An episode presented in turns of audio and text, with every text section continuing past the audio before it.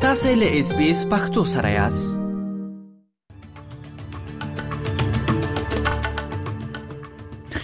خبرونو سټیکی په استرالیا کې د انفلیسیون لوجه د کورونو کرایې لوړ شوې دي او ملاتړي بیا له حکومت څخه غواړي تر څو خپل مرسته ډیر کړي چې بیوازله کسان بې کور نه شي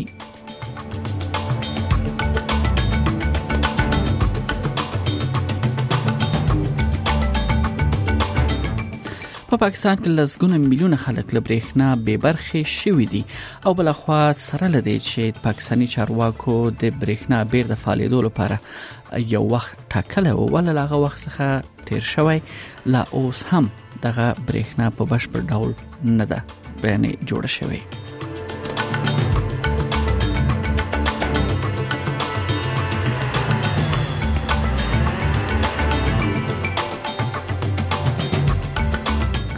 او د ترکیه ولسمشر رجب طیب اردوغان ویل دي چې سویډن د دا تم نه لري چې ترکیه به ملاتړ وکړي ترڅو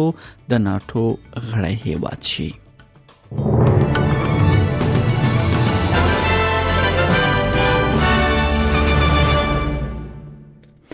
او دا هم بشپړ خبرونه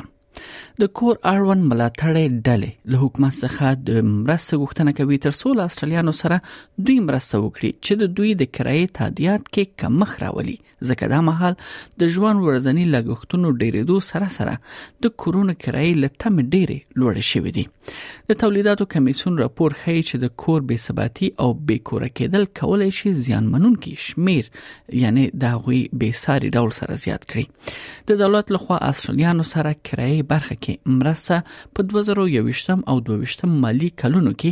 3.9 میلیارډ ډالر ته راښکته شوی و چې په خوا دا بیا 15.15 میلیارډ ډالر و مای عزیز د هر چا کور تر نامه لاندې کمپاین کوونکې ده هغه لوي کور کرایې مرسته غوښتونکو او یا هغوی تر رسولو په لارو چارو جدي غور باید وشي او لدی او له بیوزلو سره باید سمدسي یعنی مرسته وشي ورته لاس ورکړ شي We've got this huge shortfall of social homes across the country, and rent assistance is supposed to be filling that gap. Uh, but the, the shortfall is so huge that we're really going to be relying on rent assistance as our main response to housing affordability for the next, uh, you know, 10, maybe even 20 years. بلخوا فدرالي وزیر بل شارټن د استرالیا بازار کې د شل انرژي کمپنۍ لخوا اضافي غازو راوړلو وړاندیز د هغې هرکلی کړی دی دا اقدام د طبیعي غاز په اړه د حکومت د نرخ محدود ساتلو پریکړه ته یو مثبت ځواب دی د ان ډي اس وزیر بل شارټن سکای نیوز ته ویل چې هغه خوښ دی چې شل به شاوخوا اته پټاجول اضافي غاز تولید کړي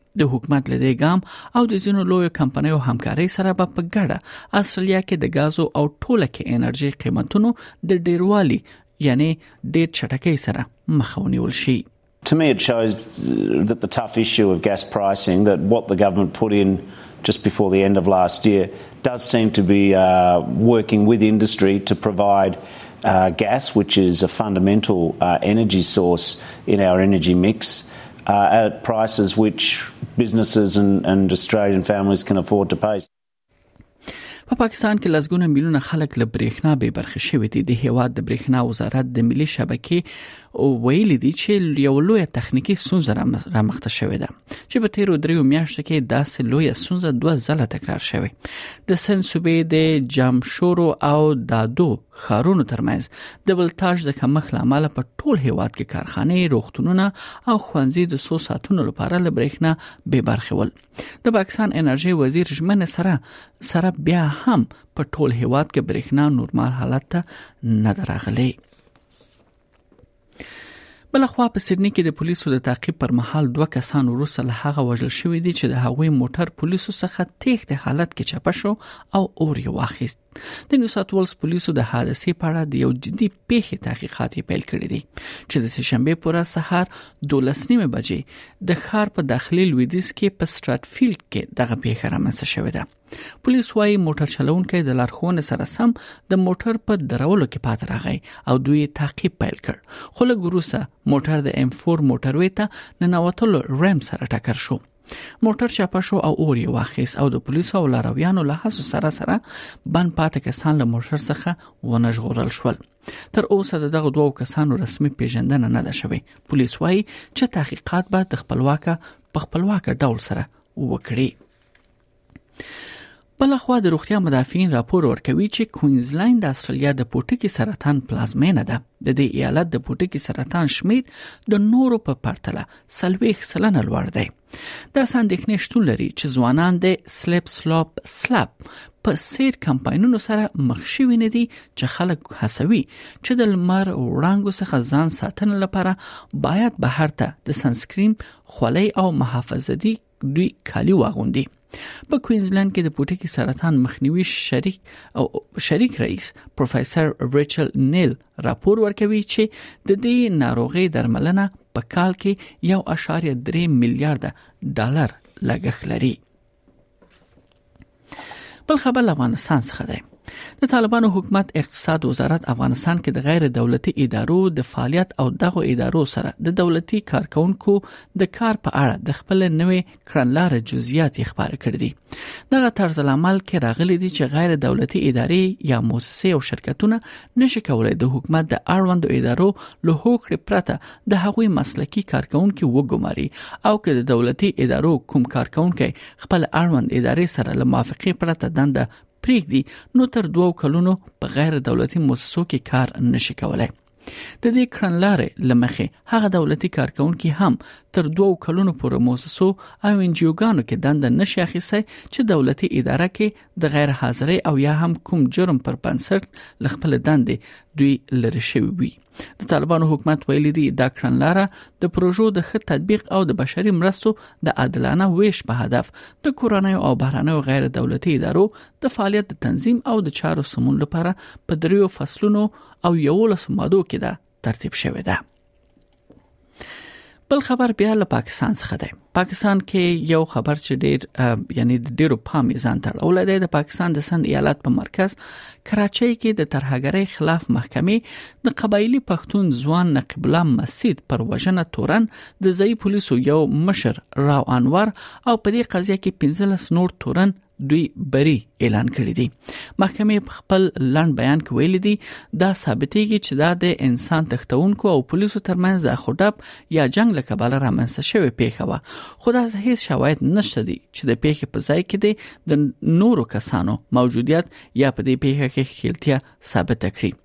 له سیمه څخه د بي بي سي خبريال ویل دي په دې پیښه کې د راوانور ترڅنګ ټول ټال 22 پولیس خېل بلل کېدل چې محکمې 15 بری اعلان کړی دی محکمې ویل دي د و تختیدونکو یعنی نور کسانو په اړه به هم پریکړه د غوی لنیولو وروسته وکړي د ترکیه ولسمشر رجب طیب اردوغان ویلي دی چې سویډن باید دا تمه ونه کړي چې ترکیه به د ناتو لپاره د دوی د داوطلبۍ ملاتړ وکړي ترڅو د ناتو غړی شي سویډن ترکیه ته اړتیا لري چې د دوی هغه غوښتنلیک تصویب کړي کوم چې پر اوکراین د روسیې لبري دروسته دا وړاندې شوی دی ترڅو یعنی سویډن د ناتو غړیتوب واخلي دا په داسې حال کې ده چې یو شمیر مظاهره چیانو په سویډن کې د ترکیې د سفارت مخ ته مظاهره وکړه د ترکیې د ولسمشر د ژوند نسخه د سراغونو په پوسټ کې زړول و او هم قران شریف یې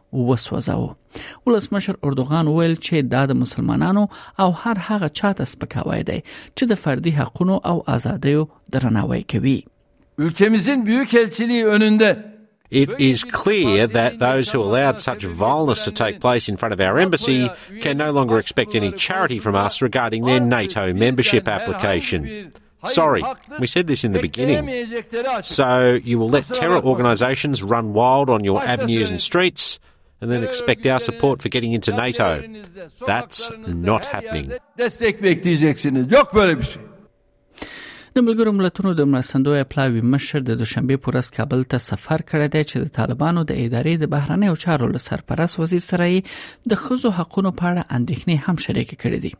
د طالبانو تر واک لاندې ادارې 13 میاش نا دولتي موسسو ته امر وکړ چې د خزینه کارکونکو پر کار بندیز ولګوي چې لامل یې ډیرو مرستندو ادارو خپل فعالیتونه تر یو حد وزندول د ملګرو ملتونو د بشر د بشر دوستانه چارو لپاره د ملګرو ملتونو د عمومي منشي مرسیال مارټن ګریفټس د ښځو د زده کړې او کار مسله راپورته کړې ده او افغانستان د وزارت د یو اعلامیې لمخې د کار د ملګرو ملتونو پر عملیاتو څه اغیز شندلې دغه اندېښنې له طالبانو سره شریک کړي د ملګرو ملتونو ویان سټیفن دوچاریک وای خغلی ګریفټس به د طالبانو له ادارې سره په دې اړه خبرې وکړي They will be engaging uh, with the de facto authorities uh, with the same message uh, that we've been delivering uh, since since the beginning on, on, the need to to roll back uh, the policies that were put in place, and to underscore the message that humanitarian aid cannot be delivered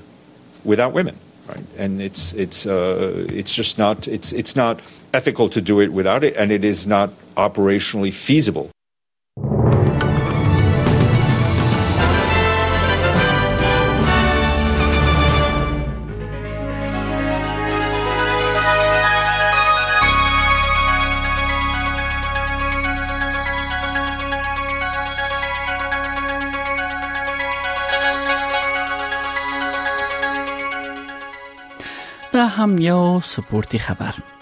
د پاکستان د کرکټ بورډ مشر نجم سټي وایي چې د پاکستان کرکټ لوبډله به له افغان لوبډله سره درې شل اوریزې سیالي وکړي خو غغلی سټي په دې شرط چې د پاکستان حکومت د دې لو لوب اجازه ورکړه ده د هغه لخوا د حکومت لوري د اجازه ورکولو مسله د هغو خبرګونونو لړۍ ده چې د افغان کرکټ لوبډله سره استرالیا کرکټ بورډ لخوا د لوبونو کولو د پریکړې په اړه خودل شوې ده ټاکل شوی و چې پاکستان او افغانستان درې یو ورځنۍ لوبه وکړي دا د سوپر لیګ سیالي وي چې 2023م کال جام ته د ورتګ لپاره کېدی خو نجم سټي وایي چې دواړه افغانستان او پاکستان دغه نړیوال جام ته وتل دي او دوی غوړه غني چې د یو ورځنۍ لوبه په ځای اوس درې شل اوريزه لوبه وکړي بلخوا دا هم د استرالی ډالر پر وړاندې د ځینو بهرانه اسعارو بیې په نړیوالو مارکیټونو کې یو استرالی ډالر 0.8 امریکایي سنت 0.3 یورو سنت یو استرالی ډالر 2.3 پاکستان افغاني روپی یو سل دوه شپېته اشاریه اته اتیا پاکستاني روپۍ یو اصلي ډالر او 50 اشاریه درې دېرش هندۍ روپۍ دوه اشاریه اته پنځوس اماراتي درهم او صفر اشاریه شپږ پنځوس انګلیسي پنسه ارزښت لري د هم د استرالیا د زینو خارونو نن لپاره د هوا تر ټولو لوړه درجه هغه هم د سانتیګریډ په کچه په سیدنی کې اسمان برګ دی 28 په ملبورن کې هوا باراني ده 29 په برزبن کې د باران اټکل دی 13 په پرت کې هوا لمریزه ده 22 په اډلیټ کې هوا لمریزه 9 په هوبرټ کې هوا باراني سلیریش په کمبيرا کې هوا لمریزه 28 او په اخر کې داروین حالت هوا باراني ده او د تودوخه تر ټولو لوړ درجه یو ډیر سانتیګریډ اټکل شوې ده